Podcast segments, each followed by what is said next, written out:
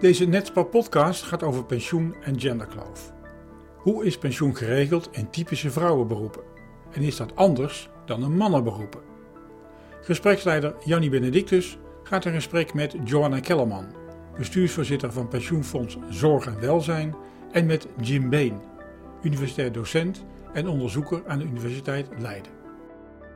Hoe is pensioen geregeld in typische vrouwenberoepen? Minder goed dan in mannenberoepen? En hoe komt dat?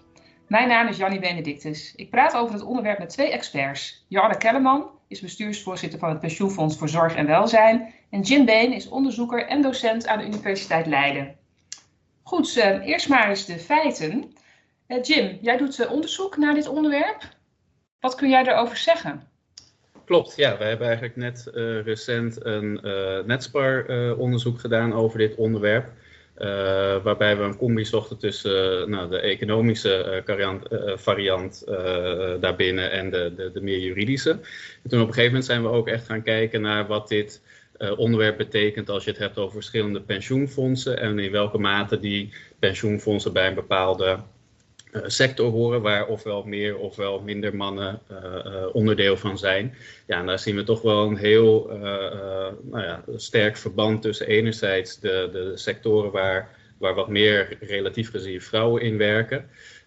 dan mannen. En, en dat de bijbehorende pensioenfondsen doorgaans op een, nou, wat wij noemen een TPRA-rating, toch minder scoren wat betreft generositeit. Dan wat is de TPRA-rating? Goede vraag inderdaad. Dat, eh, de TPRA-rating is een uh, bedrijfje van dezelfde mensen die achter Moneyview zitten. Ja. En op een gegeven moment hebben zij een aantal jaar geleden de, de TPRA opgericht, ofwel de uh, Pension Rating Agency. En uh, eigenlijk wat zij doen is kijken naar bijna 200 actieve Nederlandse regelingen. Uh, en daarbij kijken op een punt of 60 hoe goed een uh, bepaald pensioenfonds het, het nu doet. En dat kan uh, variëren van enerzijds de generositeit in het ouderdomspensioen, maar ook in het mhm. nabestaande pensioen, flexibiliteit, et cetera. Dus daar, daar hebben ze ja, 60 verschillende onderwerpen die, waar ze naar kijken. Ja.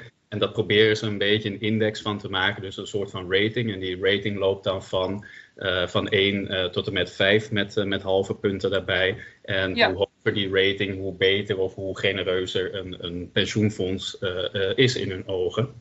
Nou ja, dus die hebben we als het ware gekoppeld aan wat informatie over de sector van hoeveel vrouwen werken er nu in een, in een bepaalde sector. Ja, dan kom je natuurlijk op, op typische vrouwensectoren als de gezondheidszorg. Ja. En als we daar een pensioenfonds aankoppelen, zoals het PFZW, uh, dan zien we bijvoorbeeld dat die het volgens die TPA-rating althans in ieder geval minder genereus is als je het bijvoorbeeld afzet tegen een hele typische mannensector, uh, zoals de bouw. Dus als je naar het pensioenfonds bouwnijverheid kijkt, zie je dat die generositeitsrating als het ware uh, een, een, stuk hoger is dan, dan ja, bij die... gezondheidszorg. Nou, en dat hebben we natuurlijk voor ja, een kleine sample aan, aan sectoren gedaan.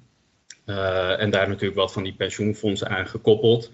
En eigenlijk zien we dat dan sectorbreed. Uh, dat dit het geval is. Maar het interessante is ook wel dat we dit bijvoorbeeld zelfs binnen bedrijven zien. En als, als mooi voorbeeld heb ik daar altijd KLM, die natuurlijk enerzijds het cabinepersoneel heeft, wat doorgaans vrouwen zijn. nou, die, dat pensioenfonds heeft echt een mindere rating gekregen dan bijvoorbeeld het pensioenfonds binnen KLM, wat gaat over het vliegpersoneel. Aha. gaan ze weer mannen zijn, de piloten, et cetera. En die generositeit, hè, dat is dan het, het Waar zit hem dat in het opbouwpercentage of waar hebben wij het dan over? Dat kan in het opbouwpercentage zitten. Mhm. Dat kan zitten in, in, in überhaupt hoeveel er uitgekeerd wordt uiteindelijk bij het ouderdomspensioen. Dat kan zitten in uh, de generositeit van het nabestaande pensioen. Dus als een van twee komt te mm overlijden, wat gebeurt er met het geld voor, voor de partner? Uh, dat betekent flexibiliteit, misschien uh, de, uh, of je het lamsam op moet nemen of niet, of je bij kunt sparen of niet. Allemaal van dat soort elementen okay. worden in die, die 60 onderwerpen meegenomen in die rating. Nou, volgens mij sta, zit Johanna te popelen om hierop te reageren, want de naam van PFZB kwam natuurlijk al even voorbij. Wat, wat, wat vind je, is, het, is PFZB een vrouwenfonds? Ik denk het wel, hè, Johanna, daar kunnen we niet omheen.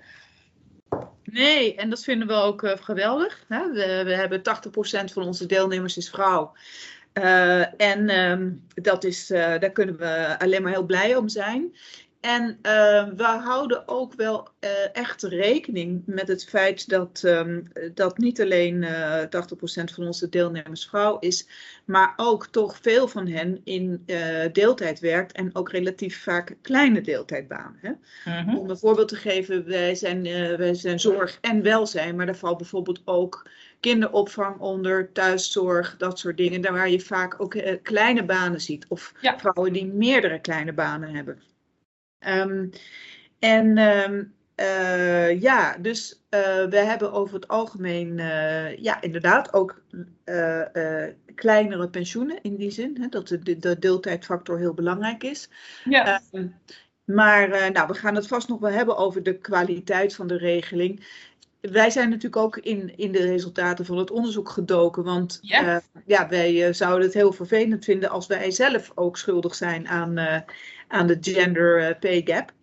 Um, uh, ik zei al, ja, deeltijd is natuurlijk gewoon een factor. Ja. Maar ook het aantal jaren wat vrouwen werken is, is minder dan, dan mannen. Bijvoorbeeld in het verleden haalden vrouwen bij ons gemiddeld maar 27 dienstjaren bij PFZW. Vrouwen zijn natuurlijk vaak ook nou ja, vaak er tussenuit gegaan om kinderen te krijgen ja. enzovoort. De parttime factor, die is 67% en dat is echt veel lager dan bij mannen. Daar ligt dat 84%. Um, en ik denk ten aanzien van de scores uh, dat bij ons ook wel een rol speelt uh, dat um, uh, de dekkingsgraad en de, de, de indexatie achterstand is meegenomen. Ja, ja. Die is, onze dekkingsgraad ja. is natuurlijk gewoon niet goed, was niet goed. Uh, en, uh, en we hebben inderdaad al jarenlang niet kunnen indexeren. Dus dat soort dingen hakt er ook behoorlijk in. Maar dat hoeft dus niet helemaal uh, één op één iets te zeggen over de echte kwaliteit van de individuele regeling. Nee, want, want je, ik, ik heb ook je column gelezen, Joanne, die je hierover hebt geschreven. En dan zeg je, ja, onze regeling zou ik zeker niet sober noemen. Nee, dat klopt. En we hebben juist uh, bij die regeling uh, houden we ook rekening met, uh, met het profiel van onze deelnemsters. Door bijvoorbeeld, doordat we een, een nogal lage franchise hebben. Ja. Dat maakt natuurlijk best veel uit, zeker op een klein pensioen. Ja, inderdaad. Dan, anders zou je al helemaal niks opbouwen als die, als die franchise hoger zou liggen. En Jim, hoe, hoe, hoe kijk jij of hoe luister jij naar deze, deze reactie? Nee, ik vind dat heel logisch. Ook, ook zeker de verklaring van Johanne dat inderdaad die indexatie uh, uh, wordt bijvoorbeeld ook echt uh, meegenomen, meegenomen, dekkingsgraad, et cetera. En ik wil ook vooral benadrukken dat er ook per sector natuurlijk best wel veel heterogeniteit in zit. Ik bedoel, PFZW is nu niet de hele gezondheidssector. En als we bijvoorbeeld kijken naar die um, TPRA-rating, vind ik zelfs dat, dat PFZW het zelf relatief goed doet ten opzichte van andere fondsen die uh, die gekoppeld kunnen worden aan de gezondheidszorg. Ja. Als ik vooral bijvoorbeeld even kijk naar het pensioenfonds voor verloskundigen, ja, dat valt in het niet uh, in vergelijking met de PFZW. Dus ik vind ook vooral dat we niet de PFZW ook niet in dit, door dit onderzoek uh, moeten framen als dat het uh, nou ja, niet genereus zou zijn. Het is relatief. Mhm. gemiddeld genomen in die sector minder genereus dan bij, ja. bij typische mannensectoren. Ja. ja, Joanne die stipte ook uh, terecht uh, arbeidsparticipatie aan, een aantal gewerkte dienstjaren, loon. Um, die totale pensioenkloof die is 40 procent. Dat is het getal wat, wat men daaraan koppelt. Kun je zeggen, die generositeit van de pensioenregeling maakt van die 40 procent een, een substantieel onderdeel uit? Of is het een, eigenlijk maar een klein onderdeeltje in de hele problematiek? Jim, hebben jullie dat uh, nou ja, waar wij natuurlijk echt naar gekeken hebben, is waar, die, uh, waar dat getal, die 40% vandaan komt. Vooral omdat die nou ja, ook wel bij ons rauw op ons dak uh, kwam vallen, eigenlijk omdat het vanuit een, een studie kwam van de Europese Commissie. Dus we waren vooral heel benieuwd waar zit dat dan in. Mm -hmm. nou ja, als we kijken naar de, de, de twee grote pijlers in Nederland, enerzijds de AOW en anderzijds het aanvullend pensioen ja, in de AOW kan het niet zitten. Uh, dat laten we ook vooral zien. Dus het moet echt in die, in die aanvullende regelingen zitten van het, van het werkgerelateerd pensioen. Ja. Dus die 40 procent, uh, dat 40 procent verschil dat we zien, ja, dat wordt echt volledig bepaald door dat aanvullend pensioen. Ja, en dat wordt natuurlijk weer, uh, wat je heel terecht zegt en wat Johanne net ook aanstipt, natuurlijk vooral in stand gehouden door, door participatie. Ja. Deeltijdwerk, et cetera. Ja. Ja, oké. En, en Joanne, als jij naar die, naar die kloof van 40% kijkt, hè, um, om welke, welke deelnemsters ben je dan het meest bezorgd? En wanneer wordt dat nou echt een, een, een pijnlijk probleem voor die vrouwen? Nou, uh, ik ben gewoon het meest, eigenlijk het meest bezorgd over de onderkant. Uh, omdat, uh, ik zei het al, daar zijn vaak, vrouwen hebben daar vaak kleine banen, vaak opeenvolgend of soms zelfs tegelijk. Um, en het interessante, of eigenlijk het treurige is, dat uh, wij verzamelen ook allerlei andere arbeidsmarktdata over de zorg. En we zien dus ook dat, uh, dat juist in die uh, regionen ook bijvoorbeeld arbeidsongeschiktheid en ziekteverzuim het hoogste is. Um, ja. En dat zijn toch wel indicatoren die erop wijzen dat ook daar dus blijkbaar de druk het hoogste is. En wat we dus ook zien is dat juist bij kleine deeltijdbanen het ziekteverzuim hoger is dan bij iets grotere deeltijdbanen. Ja. Vandaar ook dat, um, ja, ik vind het persoonlijk iets, ik trek het me enorm aan. En eh, ik vind het ook iets waarvan, waar, waar ik, ik pro, waarvan wij proberen om, om daar ook echt iets aan te doen omdat uh, het kan zo ontzettend veel uitmaken of iemand zeg maar zijn hele leven uh, nou ja, 12 uur per week werkt of 20 uur per week. Weet je, dat kan, dat ja. kan echt het verschil maken later. Uh, en uh, vandaar ook dat we bijvoorbeeld het initiatief ondersteunen van een stichting die dat, dat onderzoekt en vrouwen stimuleert om, om meer uren te gaan werken. Dat heet het potentieel pakken. Ja, en ja, die heb je misschien wel eens over gehoord. Ja. Ik vind dat dus een heel mooi initiatief, omdat ook omdat het een mes aan twee kanten snijdt. Want we hebben ook natuurlijk nog die andere kloof, de zorgkloof na, hè, het, het, verschil tussen de, de vraag naar zorg en, en de mensen die werken in de zorg, waar een groot tekort aan is. Ja, eh, dit is gewoon een win-win. Ja, inderdaad. En als je het hebt over die bezorgdheid om, om vrouwen, gaat het dan ook vooral om het moment dat die vrouwen eventueel alleen komen te staan? Ja, uiteraard. Hè. Uh, of, of dat altijd al zijn geweest. Ja. Uh, daar, ja, er zijn toch veel vrouwen die, die daar niet echt goed over nadenken. Uh, en, en dan is, is ja, dan de financiële onafhankelijkheid is dan natuurlijk een groot goed. Ja. Jim, hoe, hoe zie jij dat in jouw omgeving wellicht? Is dat een, wordt daarover nagedacht als mensen bijvoorbeeld kinderen krijgen, er wordt minder gewerkt, heeft pensioen dan überhaupt de aandacht van iemand in dat gesprek? Goede, dat ja, mijn, mijn omgeving is misschien niet helemaal representatief hoor. dat, dat vooral mensen zijn, ja bij Netspar of, of zo, zoals mijn ouders die, die vaak zelfstandig ondernemer zijn geweest en om wie dit verhaal eigenlijk helemaal niet gaat, het aanvullend pensioen. Mm-hmm. maar wat ik wel heel opvallend vond is dat destijds dat onze studie uitkwam werd dat opgepikt door de, door de NOS. en zij vroegen gewoon aan wat, wat vrouwen op straat van wat zij ervan vonden. En daar schrok ik toch wel behoorlijk van. Dat, uh, dat kennelijk uh, zij vooral heel erg schrokken van ja, hoe kan dit in Nederland? En het is toch allemaal goed geregeld. Uh, en dat, dat bij het pensioenverhaal, dat er kennelijk toch wel veel automatisch wordt nagedacht over dat dat de AOW moet zijn. En natuurlijk bij de AOW, ja. daar, daar, hebben we geen verschillen. maar dat, er, dat het besef er eigenlijk niet is dat ook dat aanvullend pensioen natuurlijk een heel belangrijk onderdeel is van totale inkomen uiteindelijk in pensionering. Ja. Dat, dat, ik heb het idee dat dat in Nederland zo automatisch of zo goed, uh, goed geregeld is. Dat je, ja, je hoeft zelf daarin eigenlijk helemaal geen keuze te maken. Dat doordat je geen keuze hoeft te maken, dat mensen zich er ook helemaal niet van bewust zijn. En dat dit uh, zeker in, in keuzes om nou ja, eventueel minder te werken, dat, dat, dat dat helemaal niet op tafel ligt bij, bij partners. Nee, nou, we komen zo, straks aan het eind ook nog eh, op pensioencommunicatie. Misschien moeten we daar dan uh, nog even op inhaken. Maar even, even samenvattend, hè, we hebben het over een aantal dingen gehad. Meerdere factoren spelen dus een rol bij die, bij die pensioenkloof. Dan denk ik, ja, moet je dan aan de knop van participatie gaan draaien... of moet je dan toch aan de knop van die regeling gaan draaien? Of misschien aan allebei? Wat, wat, zou, die, wat zou jullie gedachte zijn?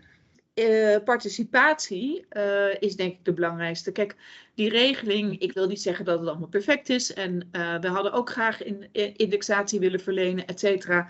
Maar we moeten ook niet vergeten dat we zo langzamerhand, hè, onze premie is inmiddels meer dan 25 procent. dus er zit ook gewoon een grens aan hoeveel mensen kunnen en willen reserveren voor hun pensioen. Het ja. gaat om die participatie. En we hebben het natuurlijk net nog niet eens gehad over het uh, toenemend aantal uh, vrouwen ook. Wat gaat uh, ZZP'en? Die bouwen helemaal geen pensioen op. Nee. en dat, dat is een, een ander punt waar wij ons echt grote zorgen over maken. Mogen die zich voor jullie vrijwillig aansluiten? Nou ja, dat zouden we heel graag willen, maar dat, dat kan niet. We zijn heel erg bezig geweest met een initiatief om een pilot te kunnen doen om dat makkelijker te maken. En ja, het is gewoon nog niet gelukt, omdat het zo complex in elkaar zit met de, met de regelgeving, met de fiscale regels, et cetera. Maar goed, ja. Het is een hele bewuste keuze. Momenteel, hè, heel veel vrouwen in de zorg maken die keuze, heel begrijpelijk, want je krijgt meteen meer geld in het handje. Ja. Maar ja, er gaat, er gaat een enorm vangnet verdwijnt. Ja, en dus als, ik jou, als ik jou goed begrijp, dan, dan zeg je participatie is eigenlijk wel key. Maar als het gaat om ZZP'ers, dan zou het in de regeling misschien ook landelijk iets kunnen veranderen. Waardoor het makkelijker wordt als ZZP'er om toe te treden tot een pensioenregeling. Ja, zeker. Ja. Ja. En, en nou, als we nou over nudgen, dan zou ik daar toch wel een zware nudge op willen zetten. ja, gaan we straks ook nog in die pensioencommunicatie over hebben. Jim, als ik jou zeg, moet je de participatie repareren of de regeling? Wat, wat zeg jij? Uh, ja, vind ik een hele lastige. Zeker ook, uh, uh, uiteraard moet je, moet je aan beide knoppen zitten. Maar ik vind vooral de knop van de, van de arbeidsparticipatie vind ik wel één waar we ook voorzichtig moeten zijn. In die zin dat, ik bedoel, in het verleden was er ook heel veel ruimte om vrouwen meer te laten participeren. Daar is al heel veel beleid voor. vrouwen zijn al veel meer gaan participeren. Zowel dat ze überhaupt gaan werken of geconditioneel dat ze werken, dat ze meer uren maken. maar ik vind dat vooral ook wel een beslissing die bij de vrouw zelf hoort, of die binnen het gezin gemaakt kan worden. Uh, want ik vind ook wel dat in vooral de, uh, de, de, academische economische literatuur heb ik het dan over, dat er best wel vaak heel veel nadruk wordt gelegd uh, op, op alle voordelen van, van betaald werk. Uh, terwijl, ja, laten we eerlijk zijn, de, de, de, mensen, ongeacht of dat nu mannen of vrouwen zijn en die deeltijd werken, uh, betekent niet dat ze thuis niks doen, maar daar ook nog een hele belangrijke functie hebben. Ja. Uh, er wordt ook wel steeds meer onderzoek beschikbaar. Die laat zien dat, dat mannen of vrouwen die, die deeltijd werken, dat die thuis ook een hele belangrijke functie hebben in het opvoeden van de kinderen, andere huishoudtaken, mantelzorg, et cetera. Ja. en ik, ik ben bang dat als we heel erg op dat marktdenken blijven zitten, dat vooral vrouwen in, uh, meer in de markt moeten participeren, dat het op een gegeven moment ook wel ten koste kan, uh, kan gaan van dat soort elementen. Dus ik, ik vind dat een hele lastige om, uh, om, om vrouwen vooral te verplichten om als het ware meer te gaan werken en daardoor meer pensioen op te bouwen. ja, maar jij zegt dus, dat, dat, dat moet je doen, maar wel met enige mate. Dus pak ook die regeling aan, maar hoe dan? Want wat, want wat kun je dan in de regeling Joanne geeft aan, er is al best een, een hoge uh, bijdrage, 25% Ja, je kunt hem niet, niet nog hoger maken. Of moet je tussen mannen en vrouwen gaan variëren in, in opbouwpercentage? Moeten ze beter onderhandelen? Moeten misschien die zorguren pensioen gaan opleveren? Hoe, hoe zou je dat dan kunnen doen? Nou ja, ik denk naast dat dat misschien een economische vraag is, is het ook meer een, een politieke keuze. Hè, van in welke mate je, je vrouwen wil bevoordelen ten opzichte van mannen. Maar een hele simpele die we, die we uh, uh, al ja, vrij gemakkelijk toe kunnen passen. Als je SEC kijkt naar hoe de, hoe de formule van, van opbouw in het aanvullend pensioen eruit ziet. En dan, ja, dan heb je het over drie knoppen waar je aan kunt zitten. Dat is de participatie, oftewel de deeltijdfactor. Uh, dan heb je het over de franchise en over het opbouwpercentage. Nou ja, als we dan de, de participatie even parkeren, dan hou je uh, twee knoppen over. Ja. ja. als je na gaat denken over die franchise en het opbouwpercentage, dan blijkt ook wel uit, uh, uit eerder onderzoek van het DNB, als je een, een, aantal pensioenfondsen naast elkaar legt, is dat die helemaal niet het maximum aan uh, franchise bijvoorbeeld benutten of uh, opbouwpercentage benutten.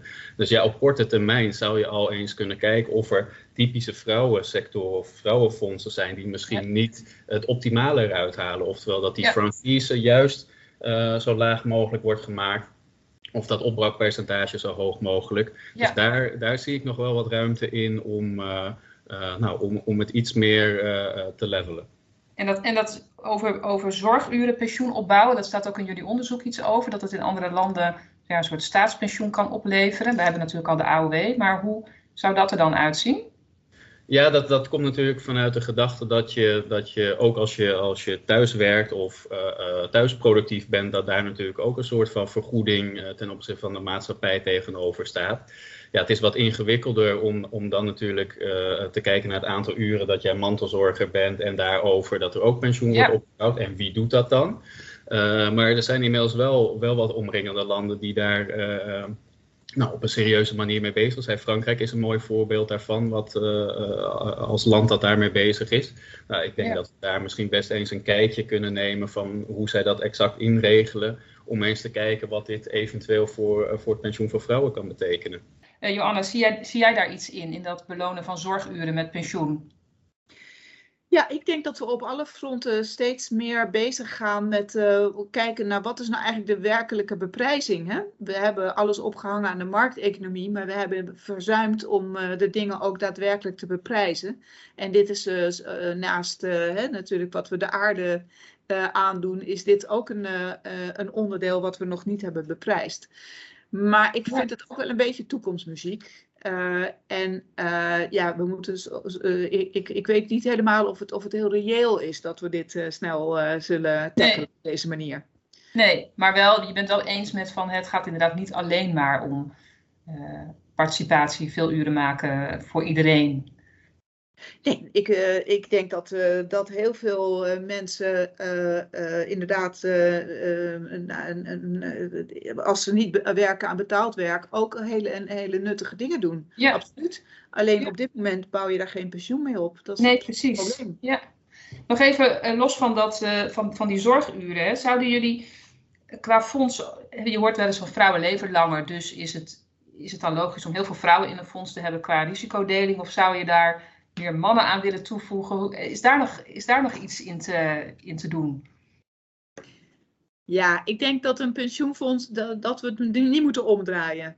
Dus ik zou uh, liever dan in de werkelijkheid, zou ik dolgraag zien dat er meer mannen en, uh, en overigens, uh, nou ja, wie ook maar, van welk geslacht ook maar en welke identificatie in de zorg werken. maar om te zeggen, we gaan het fonds uh, voor, we gaan de, de, zorg veranderen omdat de, de, mix van het, de risicomix van het fonds dat gaat een beetje ver.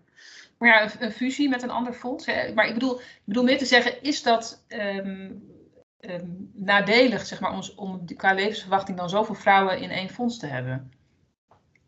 Nou, dat, dat, dat, dat weet ik niet, maar daar wil ik ook eigenlijk helemaal niet over nadenken.